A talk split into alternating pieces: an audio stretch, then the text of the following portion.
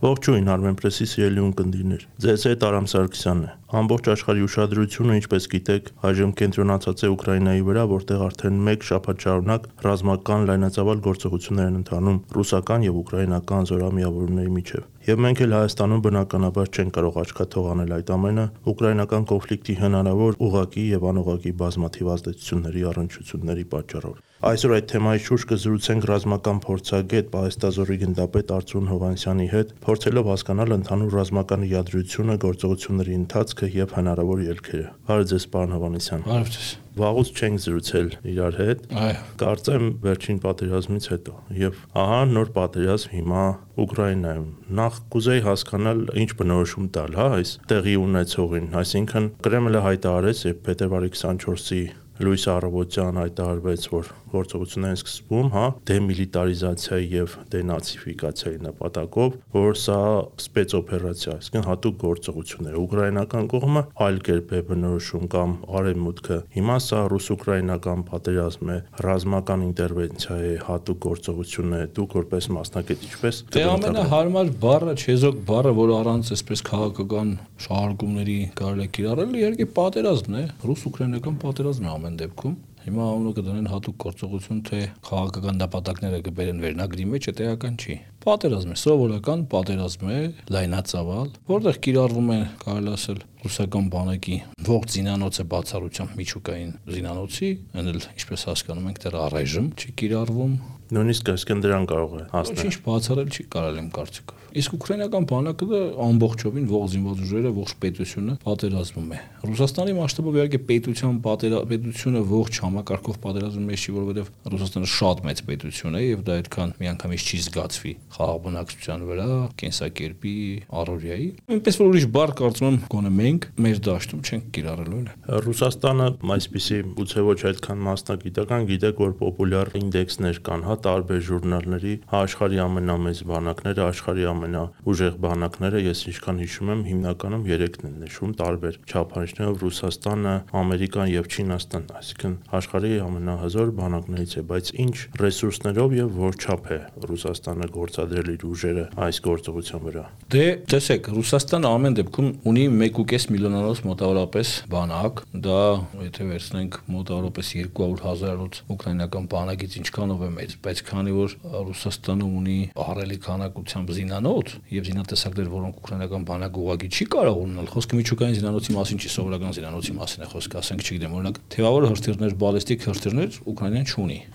Եվ այդպես որ այդպես հաշվենք, մի քանի տասնապատիկ անգամ գերակայող ուժ կստանանք, էլի Ռուսաստանի կողմից։ Ռուսաստանը ունի աշխարհի ամենամեծ տանկերի պարկը, մոտ 20000 միավոր ամենամեծ փողային հրետանու պարկը աշխարհում, ամենամեծ։ Այնպես որ համատելու չեն ուժերը իրականում, իրականում համատելու չեն, համադրելի չեն։ Դա ոչ թե 1, 2, 3 կամ 5 անգամ կամ 6 կամ 10 անգամ գերակայության մասին, այլ տասնապատիկ անգամներ գերակայության մասին է։ Բայց ինչպես տեսնում ենք, շատ ու շատ կանխատեսումներ, ես այսօր կարծացել եմ նաև որ ամերիկյան շտաբների պետերի կոմիտեի ղեկավարը հաշվարկել էր, որ ընդհանուր 72 ժամում Ռուսաստանը կկարողանա գրավել ողջ Ուկրաինան, բայց ինչպես տեսնում եք 7-8-րդ օրն է, չէ, այսօր կարծես։ 8-րդ օրն է, բայց խնդիրը մինչև վերջ լուծված չէ։ Ասել որ ես վերջերս հսարտով մի քանի անգամ եմ ասել այս միտքը, ձեր մոտ էլ կարող եմ կրկնել։ Ռուսական բանակի գործերը իրականում շատ վատ չեն։ Այսինքն ռուսական բանակը թեկուզ դանդաղ, բայց առաջ է գնում։ Թեկուզ ոչ բոլոր ուղություններով միաժամանակ, բայց առաջ է գնում։ Բայց ամբողջ խնդիրն այն է, որ շատ վատ չեն նաև ուկրաինական բանակի վիճակը։ Իսկ սա ինչ է նշանակում։ Սա նշանակում է, որ այդ կոնֆլիկտը դեռ արուն կթափվի երկու կողմից։ Այսինքն բանակցությունների մեջ մինչև կողմերից մեկը չի գալիս ռազմական որևէ կամ, չգիտեմ, պլյուս ռազմականին գումար տնտեսական եւ այլ այլ կրիզիսները ոչ մեկ բանակցությունների ժամանակ զիջման ոչ մի բանի պատրաստ չի լինում։ Երկու կողմն էլ այս պահին չունեն այդ կրիզիսը, հասկանում եք, շատ կարևոր հանգամանք է սա ռուսական բանակը հերո է դեռ այդ կրիզիսից, որովհետև ահռելի մեծ բանակ է, տնտեսությունը չնայած բոլոր սանկցիաներին եւ այլ եւ այլն, բայց բաժամիջոցներին հսկայական պետություն է, հսկայական ռեսուրսներ ունի կൂട്ടակած, թե ֆինանսական, թե տնտեսական, թե հատկապես ռազմա տեխնիկական, հետեւաբար էլ հերո է տորը, էլի։ Իսկ Ուկրաինան տվյալ դեպքում սկզբից ելակետային տվյալներով շատ զիջում Ռուսաստանին, բայց այս օրեցօր մեծացող արևմտյան օգնությունը կարող է լրիվ է տնտեսական վիճակի խնդիրը լուծել ընդհանրապես, իսկ մարդկային ռեսուրսը քիչ չի Ուկրաինայի, ես ասեմ, քիչ չի եւ այս վերջի 8 տարիների ընթացքում նաեւ մոբիլիզացիոն զորքերը բացի կանոնավոր զորքերից նաեւ ունեն անցել են ինչպես տեսնում ենք որոշակի պատրաստություն ամեն դեպքում ուկրաինան կատարել է որոշակի վերազինում եւ վերապատրաստություն բայց ամենակարևորը զենքերը չեն ուկրաինայի ամենակարևոր հաջողությունը նու ձերբերումը հաջողություն չասենք լավ հələ այսպես ձերբերումը եւ բազիսային հենարանը այն է որ պետական կառավարման համակարգը զինված ուժերը գլխավոր շտաբը այս 8 տարիների ընթացքում ամերիկյան մոդելով բավականին վերազինվել, վերապատրաստվել եւ կարծես թե իրանք գիտակցել են թե ինչպիսի բախման հետ են առնչվելու։ Ուկրաինական բանակը ամեն դեպքում որակով, համեմատաբար որակով կարողացավ իրականացնել մոբիլիզացիոն process-ը, այսինքն պահեստազորը, մեծ պահեստազորը, հիմնական պահեստազորը, առաջի հիմնական ծանր փուլը կարեցավ ավարտի։ Ընթացիկ պահեստազորը արդեն դա ավելի հեշտ հարց է, երբ որ արդեն հաջորդ, չգիտեմ 8-րդ, 9-րդ օրը օրական 1000 հոգի մարդ պիտի տարվի, այդ արդեն ավելի հեշտ խնդիր է, քան առաջի 2-3 օրը, որ միանգամից մի քանի տասնյակ հազար մարդ է մեկնում բանակ շատ լավ ուկրաինացիները հաղթարել են իրաց նախկին բարդույթները կաված տեղեկատվական կառավարման process-ների հետ, որը որ մենք չէինք կարողացել հաղթարենք, թե 16 թվին, թե 20 թվին չէինք պատրաստ այդ վիճակին։ Իրանք այդ սխալները թույլ չեն տալիս։ Իրանց մոտ մի հսկայական բուրգ է աշխատում տեղեկատվակառուցչական գործառույթների մասով եւ ես չգիտեմ իրանց գլխավոր շտաբի կառուցվածքն ինչպիսին է, կարող է այնտեղ նույնիսկ ամբողջ մի հրամանատարություն կա, որը որ ես միշտ ասում եմ է լինի, է լինի, է լինի ու մենք չունեցանք այդպես էլ։ Այս ամեն ինչը իհարկե չի նշանակում, թե Ուկրաինայի վիճակը փայլուն է եւ ռուսներն իրենց նպատակին չեն հասնի։ Ռուսները պատմության ընթացքում շատ են ապացուցել, որ իրանք ոչ մի զոհի հետ հաշվի չեն նստում եւ կարողանում են համառորեն գնալ իրենց նպատակի ուղղությամբ մինչեւ վերջ։ Սա առաջի դեպքը չի եւ կարող է այս անգամ էլ այդպես լինի։ Կարող է չլինի, չեմ կարող ասել դա։ Կարծում եմ այս պահին որևէ մեկը չի կարող գոնե թե փաստարկված առանց էմոցիաների, առանց քաղաքական եւ ինչպես ասեմ, ճաշակի նախասիրության կոնկրետ կանխատեսում անել։ Պարոն Հովանեսյան, այ հենց այդ առաջնային տպավորության մասին կուզեի առաջին հերթին հարցնել, որովհետեւ առաջին օրը այն տպավորությունն էր, որ ռուս-վրացական պատերազմի այդ սցենարն է կրկնվելու, բայց հետո գնալով ցկցկվեց։ Այսինքն Blitzkrieg-ի նպատակ դրվել էր սկզբում։ Տեսեք, Արամ ջան, իրականում ռուս-վրացականն այդքան փայլուն չի եղել։ Ուղղակի Վրաստանի չափազանց փոքր ուժ լինելը, պետություն լինելը, բանակի փոքրությունը։ Տարածքի առաջի երթին, իհարկե։ Ավելի արագ կանգնացրեց Վրաստանին կրախի առաջ, ավելի արագ։ Բայց այն առաջի ժամերի դիմադրությունը վրացիների բավականին համառ է եղել, հանուն արդարության պիտի ասենք։ Ռուսական բանակն այնքան արագ ու փայլուն չի հաղթարել վրացական բանակի դիմադրությունը։ Ընդ որում ընդ որում այնտեղ նաև կար վրացական կողմի ի սկզբանե կարծես նախաձեռնությունը իր ձեռքը վերցնելու հանգամանք, ըստեղ կարծես թե այդպես չավ, ըստեղ ռուսները շատ արագ նախաձեռնությունը վերցրեցին իրաց ձեռքը, չնայած առաջին օր ինչպես դուք եք ասում, փայլուն բրիսկրիկի տպավորություն կար, երկրորդ օրն այդ տպավորությունը մնաց, երրորդ օրը կարծես ամեն ինչ այսպես սկսեց մի քիչ փոխվել։ Բայց հենց 3-7-րդ օրը մենք տեսանք, որ հակառակ պատկերացումներն են վաղաժամ, այսինքն այդ ռուսական բանակի, չգիտեմ, կրախի ենթարկվելը, այսպես որոշ կանխատեսումների համաձայն դեռ վաղ է։ Ռուսները ելեմ կրկնում ունեն այդ համառությունը, ունեն այդ հնարավորությունը, առաջին ռեսուրսային բնականաբար, որբիսի այսպես դանդաղ ճզմելով առաջ գնան։ Այլ է հարցը, որ վիճելի է, շատ խորը վիճելի է, թե նման մարտավարությամբ առաջ գնալը ինչքանով է սկզբանե հաշվարկած, արդյոք այդպեսիների սկզբանե ռուսական գլխավոր շտաբի պլանները եւ արդյոք փոխվել են դրանք թե չեն փոխվել հետագայում։ Եվ երկրորդ արդյոքը կա այստեղ, թե արդյոք այդ մոդելով վերջնական քաղաքական ինչ նպատակի կարող են հասնել կամ չեն հասնի։ Սա վիճելու հարց է, այստեղ չեմ ուզում մտնեմ, ես այս բային քննարկում եմ ընդհանրապես բանակների գործողությունների բնույթը, մարտավարությունը, զինատեսակները, հաջողությունները, տեմպերը, ասենք, օրինակ ժամանակակից ինչ լուծումներ են կիրառվում մարտի մեջ, օպերացիայի մեջ եւ այլն։ Ահա եւ դիտարկող պատերազմը ռազմական գործողությունները որ սերնդին են պատկանում մենք այլ այն սերնդա բաժանումը որ ես եմ անում եւ դրա մասին բազմիցս ասել եմ ես որպես տեսաբան համաձայն չեմ ոչ ռուսական ոչ ամերիկյան սերնդա բաժանումների հետ դրա համար ես ասում եմ 5-րդ սերունդ դա իմ բաժանման 5-րդ սերունդն է իմ կարծիքով ինքը լիովին 5-րդ սերունդի պատերազմ չէ որովհետեւ կողմից ոչ մեկը լիովին 5-րդ սերունդի պատրաստ չէր առաջին հարվածները առաջի օրվա գերճշգրիտ կամ ճշգրիտ այսպես ասենք 8-ից եզրական ռուսական ուժերի հարվածները իրանք ավելի շատ մոտ էին 5-րդ սերնդի գործողություններին, բայց մենք դրանից անմիջապես հետո տեսնում ենք մանավանդ ցամաքային զորքերի կիրառման մասով երկուսի կողմից էլ, այսպես ասենք 4+ կամ 5-, այսպես մակարդակի գործողություններ, որտեղ parberabar կիրառվում են լավ լուծումներ, հետաքրքիր լուծումներ, ասենք կերճշգրիտ հարվածներ, դիվերսիոն խմբեր, հետաքրքիր ծուղակներ, որոնք մեջ գցում են ռուսական շարասյուներին կամ հակառակն էլ կամ մենք շատ չենք տեսնում այդ ուղակի ռուսական կողմը այսպես տեղեկատվական այդ մասով մի քիչ կարծես զիջում է, բայց միևնույն ժամանակ մենք տեսնում ենք, որ օրինակ կողմերը գիշերային մարտերից կաղում են, օրինակ այդքան լայն հնարավորություն չունեն գիշերը մարտ վարելու, հա, գոնե ամբողջ զորքով չունեն, այսինքն հատուկ նշանակության զորքեր իհարկե ունեն, բայց ասենք ամբողջ բանակի կազմով գիշեր ցերեկ հավասարաչափ կառավարելի չէ մարտը, էլի։ Հրետանին երկուսի կողմից էլ այնպես իդեալական չի աշխատում գիշերները եւ բազում այսպիսի խնդիրներ կան, որոնք որ այս պատերազմը մոտեցնում են նորից 4 սերնդին, տանում են հետ 4 սերունդ։ Ռուսական կողմը իմ կարծիքով առաջիկայում կունենա այսպիսի խնդիր եւ դա արդեն երևում է մարտավարական գեշեշգրիտ զենքերի pašարի խնդրեմ։ Այսինքն եթե հələ ռազմավարականը միտեղ, չգիտենք էլ ինչքան pašար ունի Ռուսաստանը եւ միտեղ ինքը կիրառելով Իսկանդերը կամ չգիտեմ կալիբրը կամ նմանատիպ այլ միջոց, ինքը կարող է ռազմավարական կարևոր հարվածներ հասցնել եւ հասցնում է եւ ինչքան էլ որ 100%-անոց չէ հարվածները, բայց ամեն դեպքում ինքը խնդիրը քիչ-քիչ լուծում է, ապա ասենք հրետանային գերջժգրիտ արկ, ավիացիոն միջին մոտիկ հեռահարության գերջժգրիտ հրթիռ Դրանք են մարտավարական։ Դրանք այդ մարտավարական կեչերքների պակաս ռուսական բանակում զգացվում է, որովհետև Սիրիայում շատ սպառեցին նման միջոցներ եւ տնտեսությունը կարծես այդքան վերականգնելու հնարավորություն այս պահին չունի, իսկ դրանք այսպիսի պատերազմներում չափազանց կարևոր գործիքներ են, ասինքն մանավանդ երբ որ դու կռվում ես այնպիսի պլանով, որ դու խաղ բնակչությունը մաքսիմում չեզոք պահես ավելացություններից, չէ, այսինքն չվնասես։ Իսկ մենք բոլորս հասկանում ենք, որ ինչքան էլ որ պատերազմ է, բայց ռուսական կողմը հաստատ ունի շаг արտադրություն ուկրաինական բնակչության իր կողմը սիրաշահելու։ Ճիշտ է, սա փաստ է։ Հետևաբար ամեն մի ավելորտ ավերածություն, ամեն մի շենքի, ամեն մի փողոցի, ամեն մի, չգիտեմ, կամուրջի կամ ենթակառուցվածքի ավերածություն, դա բնականաբար այդ սիրաշահման գործակիցը իջեցնում է, չէ՞։ Դե շահարկման հանգամանքն էլ կա, չէ։ Ես վստահ եմ, որ այս պահին Արամ ջան, իրականում կողմերը ահա որ շահարկում են այդ քաղաքական հայացքների եւ սիրաշահման գործոնը։ Ամեն կողմը իր կողմն է տանում, որովհետեւ դա པարզ երևում է, ոչ մեկիս համար գաղտնիք չէ, որ արևելյան Ուկրաինայում բազում ռուսներ կան ապրող։ Ոչ մեկիս համար գաղտնի չէ, որ ռուսների մի մեծ մասը, եթե ոչ բոլորը երազում են Ռուսաստանի հետ ապրեն, հենց այդ նույն տարածքում։ Բայց այն մի մասը, որը մոտավորապես կարող է կեսն է կամ կեսից էլ ավելին, բնականաբար հակառակ ատում է ռուսներին։ Իսկ ինչի ատում պատմական, այսպես, չգիտեմ, երկար ու խորը կարելի հասնել մինչև Իվան Ահեղին կամ Ռեսպոսպոլիտայի թակավորությանը ու այդպես գալ։ Այստեղ արդեն գալիս ենք պատմության, էթնոգրաֆիայի, ազգայնության։ Ամեն դեպքում այս ամեն ինչը նշանակում է, որ ռուսական կողմը, որը ես կարծում եմ ունի իր բավականին խորքային աշխարհակաղակական, գեոքաղաքական, այսպես կայսերական էգզիստենցիալ պատճառները կռիվ մտնելու, այսպես ժողովրդական բառերով ասենք, հա, ուրեմն դնեպրից աճ ենթագիտակցական կամ գիտակցական մագարտակում ընկալում է ռուսական տարածք։ Այսինքն դա ինչ ուզում ես ասա։ Սա խնդիր է, որը բոլշևիկներն են թողել այդ թվում նաև մեր խնդիրները, որի մասին Այո, որի մասին Պուտինը խոսեց, դե պարզ է Պուտինը մեր մասին չասեց, որովհետև ինքը իր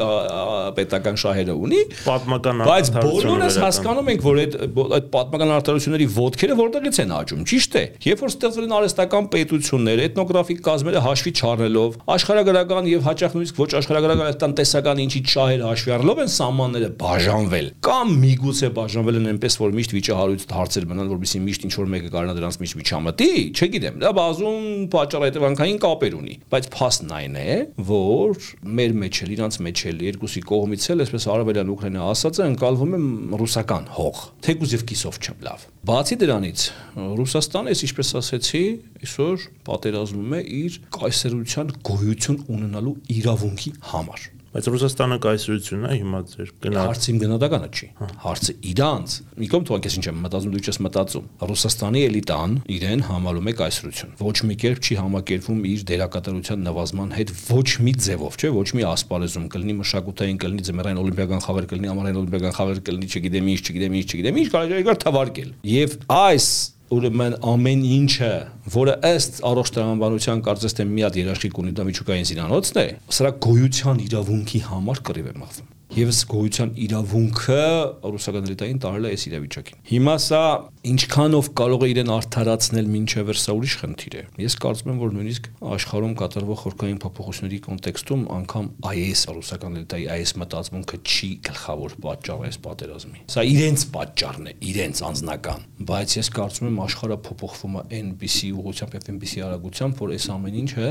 Չինաստանի հետ հետագայում արևմուտքի, այսպես ասած, հարաբերությունների པարզման նախերգանքի ուժային բալանսն է, այսինքն ձևավորում են ուժային բալանսը, որը վաղը մյուս օրը պետք է փորձի լուծել արևմուտք Չինաստան հարաբերությունները։ Ինչպես ուզում եք սա հասկացեք, շատ տարբեր ձևով կարող եք հասկանալ, բայց սա փաստ է։ Հիմա այս իրավիճակում ռուսները իրանք իրենց տարել են մի հատ իրավիճակի մեջ, դիտեն նույնիսկ իրանք չեն տալ իրանք, իրանք օգնել են, որ իրանք տանեն այդ իրավիճակի մեջ տնեն, որտեղ իրանք պետք է այսպես, ոնց որ ասում են, ինչեւ վերջ թասիբի կռիվ տան, ժողովրդական բառապաշարով ասած։ Ահա դա է պատճառը, որ այսպեսի կորուստներով, խնդիրներով, գրաֆիկի հետ ընկնելով, ժամանակացույցը տանդաղելով կարևոր չի, բայց համառորեն ռուսները կռվում են եւ ասեմ ձեզ, որ ոչ մի ձև ախորժակները չեն էլ համեստացնում։ Այսինքն, եթե ինչ որ մի բան մտածում էին կարավելյան Ուկրաինայով կսահմանափակվեն, ապա Երևանից մենք տեսնում ենք, որ Նիկոլաևի ուղությամբ դեպի Օդեսա ծովից կտրելու օպերացիան իրաց մտքում մեկա կա։ Այսինքն, Ուկրաինային, եթե ոչ ամբողջ արևմտյան Ուկրաինայի զավթում, միգուցե հələ դա էլ կա իրաց պլաններում, չգիտեմ, բայց գոնե Օդեսան վերցնել եւ Սև ծովի ամբողջ ավազանից Ուկրաինային զրկելը հստակ ռուսական գլխավոր շտաբի պլաններում երկրորդ տեղում չէ, առաջնային տեղում է։ Ինչպես կկարողանան, չեն կարողանա, ինչ կորուստներով, ինչ ժամանակահատվածում, ինչ գրաֆիկով դա լրիվ այլ քննարկման առարկա է։ Մի կողմ թողնենք եւ այդ առումով նաեւ այս գործողությունների եւ այս պատերազմի հետագա քաղաքական, տնտեսական եւ այլ հետևանքները Ռուսաստանի համար, այսինքն որտեղ դա նույնպես այլ քննարկման եւ այլ մասնագետների հետ քննարկելու հարց է, բայց դա ամենակարևոր եւ ամենահետաքրքիր եւ առանցքային հարցերից մեկը, այսինքն որն էր Ռուսաստանի մոտիվացիան։ Դուք ասացիք էգզիստենցիալ խնդիր, այսինքն գոյութենական հիմնական խնդիր։ Այսինքն արդյոք ծայրահեղ անհրաժեշտություն էր գնալու այս քայլին Ուկրաինա ռազմական լայնածավալ գործողության եւ դրա պատճառը գլխավորն էր անվտանգությունն էր, գաղափարական այդ պատմական հարցերն էին, թե աշխարհակաղակականությունն էր, որի մասին դուք նույնպես հակնարկեցիք։ Տեսեք, ելի եմ ասում, պիտի հասկանանք ինչ եմ ես մտածում, ինչ կարծիք ունեմ եւ ինչ կարծիք ունեն ռուսական էլիտան, որ գնաց սրան։ Ես որպես անվտանգության, այսպես ասենք, պատերազմների մասնակից լավ այսպես կարող եմ թույլ տամ ինձ անվանել, կարող եմ ասել ասել, որ ժամանակակից աշխարհը, եթե ունի խնդիր հարևան մանավանդ լեզվամտածողության նույն հիմքից, ասենք, եղբայր ժողովուրդներն են, չէ՞, ամեն դեպքում, կարևոր չի ով է առաջինով է երկրորդը, ամեն դեպքում լեզվանտանիքի նույն ցակման ժողովուրդներ, երկար ժամանակ նույն կայսրության մեջ ապրած ժողովուրդներ, ել չեմ ասում մշակութային, գիտատեխնիկական, ինչ ասեմ, եւ կերոնական եւ բազում այլ սերտ կոպերի մեջ եղած երկու պետություն, նման դեպքում օրինակ աշխարհի ուժեղները, ուժեղները, ասենք ասենք վերջին 500 տարում, օրինակ անգլոսաքսոնական համակարգը, բրիտանական, ամերիկյան համակարգը, այդ խնդիրը լուծում է soft power-ի միջոցով։ Այսինքն իրենք դիմում են տարատեսակ մշակութային, ֆինանսական, տնտեսական կախվածության եւ գրավչության մեջ գցելու մեթոդոլոգիային, որովհետեւ երբեք բանը չհասնի տանկերով ճշմարտություն ապացուցելու հերթին։ Հասկացաք չէ ինչ եմ ասում։ Այսինքն իսկ իմ կարծիքով Ռուսաստանը այդ շանսերը ուներ։ Ռուսաստանը կարող էր եւ չգիտեմ, եթե այս բային տանկերը չկրագեին իր վրա, ինձ թվում է հիմա էլ ուշ չէր, որ Ռուսաստանը ուղղակի, տեսեք, ում համար է գաղտնի, որ ուկրաինական ռազմական արդյունաբերությունը, որը ԽՍՀՄ-ից մնացել, բավականին հզոր էր, բայց այդ հզոր ռազմական արդյունաբերության իրագործման շուկան Ռուսաստանն էր։ Այսինքն ուկրաինական, չգիտեմ, Զապորոժիայի հրթիռային շարժիչների գործարանը այդ շարժիչը չէր ծախում, ասենք, Ֆրանսիայի վրա, չէ, ծախում էր նախ Ռուսաստանի վրա։ Բայց ինչ-ինչ պատճառով չկարողացան այդ լեզու գտնել, ի վերջո այդ կապը խզվեց, չէ։ Ուղղաթիռերի շարժիչները նույն ձևի, ան ինքնաթիռների կապեն գործարանը եւ ուրեմն արտադրություն պատմությունը, վերանորոգումը, նույն պատմությունը։ Եվ այսպես բազում հարցեր, չգիտեմ, ամբողջ ուկրաինական էստրադային աստղերը Մոսկվայում, ասենք, ապրում են կամ հակառակը գնում են գալիս են։ Չեմ ասում պատրիարքը, ասենք, նախկինում, հետո եւ այլն եւ այլն։ Այսինքն բոլոր լծակները եղել են, որ բանը չհասնի տանկերին։ Եթե նույնիսկ ինչպես այսօր ենք, չէ, հայտարարում, որ տեսեք ֆորմալ առումով հայտարարվում է դենացիֆիկացիա, այսինքն ապազգայնացում եւ հայտարարվում է դեմիլիտարիզացիա։ Ապա ռազմականացում։ Ես կարծում եմ, որ ժամանակակից անվտանգության համակարգերում մշակութային, կաշառքի, չգիտեմ, եւ այլ այլ մեթոդները շատ ավելի էֆեկտիվ են, քան տանկով կրակելը։ Տվյալ համակարգի մեջ, չէ՞, այսինքն ուկրաինական պետական կառավարման համակարգում 25 տարվա ընթացքում ինչքան ռուս կար կամ ռուսական կողմնորոշում ունեցող պետական ղեկավար կար, չէ՞։ Միգուցե կարելի էր ավելի ճկուն լուծել այս խնդիրները։ Սա ֆորմալ պատճառն է։ Իրական խորքային պատճառը ասացի ռուսական կայսրության ազդեցությունն, այսինքն Ռուսաստանը, չէ, իրեն համարում է որ կայսրություն է եւ առանց Ուկրաինա ինքը չի դառնա կայսրություն, չէ, խնդրեմ կունենա։ Կամ առավելևս ինքը չի կարող թույլ տալ, որ իր նախկին եղբայր պետությունում բերեն տեղակայեն, չգիտեմ, ինչ որ տամագավքեր, որոնք կկրակեն Մոսկվայի վրա, չէ։ Այդ ամեն ինչի լուծումը եթե բանը հասելա տանկին արդեն խնդրեմ է։ Հենց դա է ամենակարևոր հարցերից մեկը, այսինքն Ռուսաստանի պատճառաբանությունը ո՞րն է, որ Ուկրաինան չպետք է մտնի ՆԱՏՕ-ի կազմի մեջ, որովհետև դե ՆԱՏՕ-ի հրթիռները Այո, ես էլ ասում եմ, Ռուսաստանը իմ կարծիքով ուներ փափուկ միջոցների գործողությունների ամբողջության հնարավորություն տարիներ շարունակ, որովհետեւ Ուկրաինան չմտածել նույնիսկ ՆԱՏՕ մտնելու մասին։ Բայց դուք տեսնում եք, որ նույնիսկ այս իրավիճակում Ուկրաինայի նախագահը ստորագրեց այդ հայտը Եվրամիության անդամության։ Ես ամբողջը տեսնում եմ, ես տեսնում եմ, որ կարճ ասած 8 տարիների ընթացքում 2014 թվականից հետո տեսեք, այսպեսի մի բան ասեմ, 2014 թվականին ուկրաինական բանակը անվտանգության համակարգը պետությունը ամբողջովին ավելի վատ ելակետային վիճակում էին, քան մենք 2016 թվականի ապրիլյան պատերազմի ժամանակ։ Տես երկուսս էլ այդ ժամանակ պատերազմի մեջ ենք մտել, մենք էլ իրանք էլ, մենք էլ ենք ինչ որ փոքր բան կորցրել, իրանք էլ են իրենց տարածքի համատ ինչ որ փոքր բան կորցրել, չնայած փոքր չի, բայց իրենց տարածքի առելի չափերը համատած մեծ բան չէր։ Բայց հետո մենք էլ ունեցանք, չգիտեմ, 4 տարի ժամանակ, որբիսի մինչև 20 թվականը պատրաստվենք, չէ՞, պատերազմին, իրանք ունեցան 8 տարի ժամանակ։ Ճիշտ է, 4-ն ու 8-ը շատ տարբեր են, բայց իրանք վիճակն շատ ավելի վատն էր ելակետային։ Իրանք 8 տարիների ընթացքում ես կարծում եմ շատ ավելի լավ պատրաստվեցին, շատ ավելի լավ օգտագործեցին այդ ժամանակը, քան մենք այս 4 տարիների ընթացքում 16-ից 20 թվականը։ Հետաքրիր է, գուցե բաներն, որոնք դուք եք այսքան մասնակետի աչքով տեսնում, որովհետև շատ բարձ երևում է գլխավոր շտաբի աշխատանքը, շատ բարձ պետական կառավարման համակարգի աշխատանքը, մոբիլիզացիան ինչպես արեցին նորությամբ կրկնում։ Շատ լավ երևում է, որ աշխատել են պայստազորի հետ, կանոնավոր զորքի հետ, շատ լավ երևում է, որ ստատիկ պաշտպանության չեն դիմում ճկուն պաշտպանության են դիմում, որտեղ ուժերը չի հերիքում, հետ են քաշում, շատ գրագետ առանց խոճապի,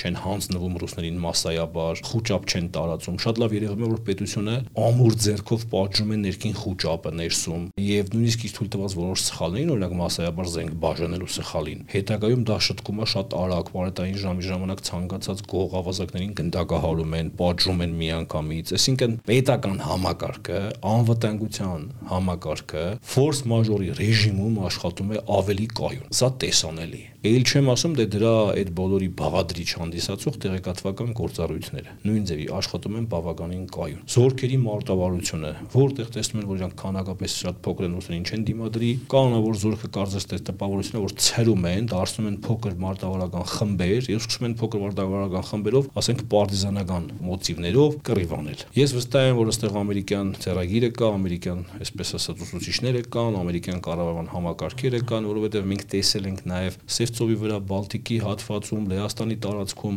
անդադար հերթապահող, հերթափոխող, այսպես ասենք, ամերիկյան մեծ ինքնաթիռներ եւ հետախուզական միջոցներ, այսինքն կառավարման համակարգեր, հետախուզական միջոցներ, որոնք վստահ են, որ որոշակի կոորդինացիա են իրականացնում ուկրաինական հարվածային միջոցների համար, որոնք իմիջիայլով շատ փոքր ու քիչ են։ Ուկրաինան, ասենք, իրականում մարտավարական մակարդակից բարձր, նույնիսկ հրթիռներ շատ չունի, այսինքն մի քանի հատիկ տոճ կա ու սմերչա նման ինչ որ մի քանի հատիկ բաներ ունի, բայց օրինակ Իսկանդերի Սերին համարժեք ոչինչ չունի, թեւավոր հրթիռները ոչ մի հատ չունի, մեծ քանակի երսեզոններ այդ այսպես ասած մերչի նման մեծ քանակ չունի։ Իսկ այդ օգնությունը մատակարարումները ավելի փոքր են։ Միևնույնն է փոքր դեր են խաղում, չէ։ Տեսեք, այդ օգնությունները, որոնք հիմա ինք Եվրոպայից անդադար ստանում են, կարծում եմ, իրենք նպատակաուղղված են այդ նույն մարտավարության պահպանմանը, այսինքն փոքր դիվերսիոն, հետախուզական, ներթափանցող կամ տարածքային ճկուն պաշտպանություն իրականացնող աշխարհազորային, ինչպես ուզում եք անունը բայց գլոբալ գործառույթների դաշտը մոտ մոտավորապես նույնն էր։ Այդպիսի խմբերին զինելու համար, այսինքն թեթև սպառազինություն, գիշերային սարքեր, կառավարման համակարգեր, որ գլխավորապես որ զրահատեխնիկա եւ շարժական միջոց խոցեն։ Այդքան անձնակազմի վրա չեն աշխատում ուկրաինական բանակի մարտավարությունը։ Ինքան ասենք մարդ չեն խփում, չէ, զինվոր, ինչքան խփում են ավտոտեխնիկա, զրահատեխնիկա, տանկ, հոպի միջոցը։ Նայեք, քանի հոպի միջոցի նկար ենք տեսել խոցված, որոնք իրանց գործողություն բնույթում չեն խոցվել։ Այսինքն քան Ուկրաինան ավիացիա չունի, որ այդ հոպին վերևից խփի, չէ։ Դիվերսանտը գալիս է կողքից հակատանկային նռնականետը խփում է պանցիրին, այսինքն դե պանցիրը ինչ պետք է պահի, չէ՞, այդ հակատանկային նռնականետը, որովհետև մարտավարությունը գործողությունների ուկրաինացիների այլ է։ Այդ առանձնահատկությունը պարոն Հովանեսյան, որ բնակավայրերում է, կարծես հիմնականում կամ մեծամասամբ դա հազդում առանձնական խիտ բնակեցվածության հարց կա, դաշտավայրի, հարթավայրի խնդիրը կա, եւ դրա համար եմ ասում, օրինակ շատ են հարց տալիս, ինչքանով են նման մեր պատերազմները, ես ասում եմ, գրեթե ոչինչով նման չեն։ Բացառությամբ առանձին դրվագների, որոնք որ ցանկացած պատերազմում կարող է նմանություն գտնել մեր թվարկությունից առաջվա պատերազմների մեջ էլ հիմիկվա մեջ էլ կարող է նմանություն գտնել բայց ընդհանուր ուժերի միջոցների աշխարհագրության, զինատեսակների, գործողությունների բնույթի մեջ շատ-շատ-շատ քիչ նմանություններ կան։ Մեծամասամբ տարբերվում են։ Այ վերջին պատերազմի 44 օրյա պատերազմի հետ որ մենք համեմատում ենք, այսինքն վստահ եմ, որ ամենաշատ հետաքրող հարցերից է մարդկանց շրջանում։ Մենք տեսանք պատերազմ իհարկե եւ մի առանձին քննարկման թեմա է, պատերազմ, որը այլ ծերնդի էր, այսինքն որին մեր բանակը գուցե ինչ որ առումով պատրաստված չէր։ Հիմա 2022 թվականին մեկ այլ թատերանվեվում է ընդհանրապես, այսինքն համեմատություններ չկան։ Քիչ են, տեսեք, նույնիսկ այսպես մի բան ասեմ, ոչ ռուսական կողմը, ոչ ուկրաինական կողմը առավել է եւս այսօր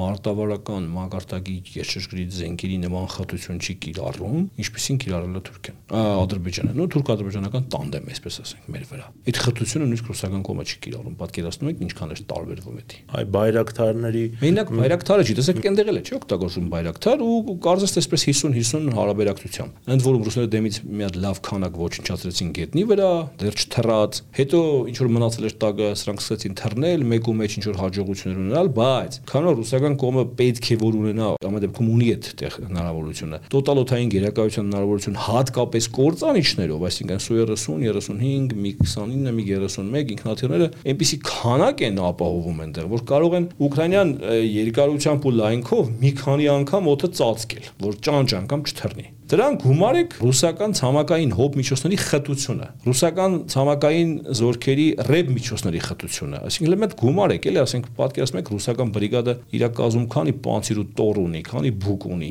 Ասենք մեզանից մի մեր ունեցած միջոցներից մի 6-7 պատիկ անգամ ավել։ Այսինքն այդ բայրակթարների անօթաչունների նորագույն տեխնոլոգիաների խնդիրը այդքան էլ անլուծելի չէր, որքան թվաց։ Նայած ում հետ եւ ինչ քանակով։ Սա անլուծելին անլուծելի չի իհարկե, բայց բար բարդ է, ուղղակի նայած ինչ քանակով։ Հիմա սրան գումարեք առաջի հերթին։ Նաև որ Ուկրաինան այդ քանակը չունի այդ ատոչ թրջոսարկերի։ Իր մոտ քանակը Ադրբեջանի շատ անգամ ավելի քիչ է, շատ անգամ ավելի քիչ է։ Տեսեք, ուղիղ հակառակ պատկերն է։ Ռուսական կողմի ու տարբերությունը մեզ ահռելի միջոցներ ունի պաշտպանվելու համար ԱԹՍ-ներից, թե օթից, թե գետնից եւ այլն։ Ուկրաինան էլ Ադրբեջանից մի քանի անգամ քիչ ատոչ թրջոսարք ունի։ Հետևաբար այնտեղ համատել չի կարելի մեր ունեցած իրավիճակի հետ, էլի։ Ես ինչի եմ հարցնում, պարոն Մովսյան, որտեվ երկու դեպքում էլ եւ Արցախյան կոնֆլիկտում եւ այս կոնֆլիկտում մի կողմում հայկական, ռուսական բանակներն, այսինքն որոնք սովետական, խորհրդային ռուսական դպրոցից ունեն, մյուս կողմում գործ ունենք պետության հետ, որը ասենք ՆԱՏՕ-ի անդամ պետության եւ դպրոցին Ճիշտ եք ասում, բայց աստիճանների խնդիր էլ կա։ Այն կողմը, որը ռուսական դպրոցի կրողներ, ինչպես դուք եք ասում, իդեմս մեզ, ուներ շատ փոքր տարածք եւ շատ փոքր ռեսուրսներ եւ շատ փոքր միջոցներ, քանակ, այսինքն հա, մատերի վրա հաշված քանակի տորեր, չգիտեմ, Իսկանդերներ, կորցանիշներ եւ այլն եւ այլն եւ այլն պլյուս դրան հանուն արտադրության բոլորս է գիտենք մենք մեր բանակաշինության մեջ ինչ կազմակերպչական լիքը բազում սխալներ էինք թույլ տվել։ Իսկ այդ նույն դպրոցի ուսուցիչ Ռուսաստանը այդքան այդ խնդիրը չունի, ինքը ահռելի քանակական, ասենք, միջոցների համադրություն ունի։ Եթե մեզ բաժիներ հասնում, չգիտեմ, ամբողջ 250-300 կիլոմետրի վրա 5 հատ տոր, այնտեղ այդքան կիլոմետրի վրա կա 50 հատ տոր, այսինքն 10 անգամ ավել։ Հիմա համատելու չի դա ընդհանրապես։ Եվ հակառակը, եթե այդ 200 կիլոմետրի վրա մեր վրա հարցակվում էր օրական 200 հատ ԱԹՍ, այնտեղ հարցակվում օրական 5 հատ ԱԹՍ։ Այսինքն ընդհանրապես դբրոցի քննությունը այստեղ չի ստացվելու, այստեղ ուրիշ համ բաներ են, գործակիցներ են, էլի։ Իրեք այս վերջին ռազմական գործոս ինքն ուկրաինական պատերազմի սկսվելուց հետո վստահ եմ դուք եք տեսել, կարդացել, որ համեմատություններ հա սկսվեցին եւ շատերի մոտ վերարժևորում թե մեր զինվորի եւ մեր բանակի մարտունակության վերաբերյալ, այսինքն մեր զինվորը 44 օր տեսեք, ամեն ամեն դեպքում բացարձակապես կասկածակ չդրելով մեր զինվորի քաջությունը եւ այն վերջի բաստիոնը քաջություններ մնացեն մեր համար էլի որպես հույս, բայց պատերազմի բնույթն է ասում եմ այլ։ Ուկրաինացին ստատիկ պաշտպանությունից միանգամից խույս տվեց։ Անցավ ճկուն պաշտպանության։ Մենք դա չէինք արել դժբախտաբար։ Ստատիկ պաշտպանությունում առանց այն էլ թույլ ուժերը հյուծվում են, իսկ մենք հյուծվեցինք հենց ստատիկ պաշտպանության մեջ, մեր զորքը հյուծվեց դրա մեջ։ Որտեղ մենք շատ տարածություն չունեինք նկատի ունենք։ Տարածություն չունեինք, ռազմագիտական մեր դպրոցը 25 տարիների ընթացքում սխալ իզրակացություններ կատարել ժամանակակից պատերազմների բնույթից եւ այլն եւ այլն։ Շատ լավ։ Մենք մեր արժեվ խնդիր դրեցինք մեր զրույցի սկզբում հասկանալու թե ինչ ընթացքով կգնան ռազմական գործողությունները Ուկրաինայում եւ թե ինչ ելք այսինքն կունենա, բայց դրա համար ոնց որ կլաուզևիցներ հայտնի ասում, որ պատերազմ պատերազմը քաղաքականության շարունակությունն է, այլ միջոցներ, այսինքն նախ պետք է նայեն քաղաքական խնդիրներին։ Ռուսաստանը իր քաղաքական խնդիրները շատ հստակ ձևակերպել է, այդ թվում արևմուտքի գործընկերներից, այսինքն Ուկրաինայի չեզոք կարգավիճակը, Ղրիմի ճանաչումը, Լուգանսկ եւ Դոնեցկ եւ այդ ապառազմականացում դենացիֆիկացիա։ Հիմա ինչ է կարծում, եթե չհասնեն, այսինքն վերջնական ամբողջությամբ այդ խնդիրների լուծմանը, ինչեւ որ կգնա։ Ես կարող եմ կարճ ասել, որ առայժմ դեռ վաղ է խոսել կողմերից մեկի առավելևս Ուկրաինայի, այսպես ասած, զենքերը վայր դնելուն։ Այսինքն դեռ վաղ է խոսել, որ Ուկրաինան կընդունի ինչ որ նահապայման։ Դե առավելևս Ռուսաստանը չեմ էլ քննարկում, որ այս պահին կընդունի ինչ որ բան։ Հետևաբար մեզ առայժմ անորոշություն է սպասում եւ պատերազմ եւ արյուն։ Թե մի դա քանի օր եւս կտևի, կարող է 7 օր տևի, կարող է 70 օր տևի, մինչեւ կողմերից մեկը հասնի ինչ որ բան ընդունելուն, այդ չեմ կարող ասել։ Այսինքն այլ կերպ ասած, ավելի հավանական է, որ կավարտվի, ասենք, մեկի հաղթանակով մյուսի կապիտուլյացիայով, թե օրինակ կավարտվի ինչ որ մի կետում ու կվերածվի ավելի ճահճացած, հա, այսպես կիսասառեցված կոնֆլիկտի, ինչպես Լուգանսկն ու Դոնեցկն էին վերջին 8 տարվա ընթացքում։ Բարդ է ասել, բայց ձեր ասացի հավանականությունն էլ է բավականին մեծ։ Բավականին մեծ է, որ կողմերը ուղղակի երկուսն էլ հետ կքաշվեն, բայց կթողնեն այնպիսի հետք, որ այնպիսի վերք, որը շուտ բուժել չի լինի։ Շնորհակալ եմ շատ պարոն Հովանեսյան հետաքրքրույցի համար։ Իհարկե շատ հարցեր դեռ մնացել են անպատասխան։ Կարծում եմ, այո, հետագայում կշարունակենք մեր քննարկումները։ Սիրելի ունկնդիրներ, մենք զրուցում էինք ռազմական փորձագետ Արծուն Հովանեսյանի հետ ռուս-ուկրաինական արդեն 1 շաբաթ շարունակվող պատերազմի մասին։ Մնացեք խաղաղությամբ։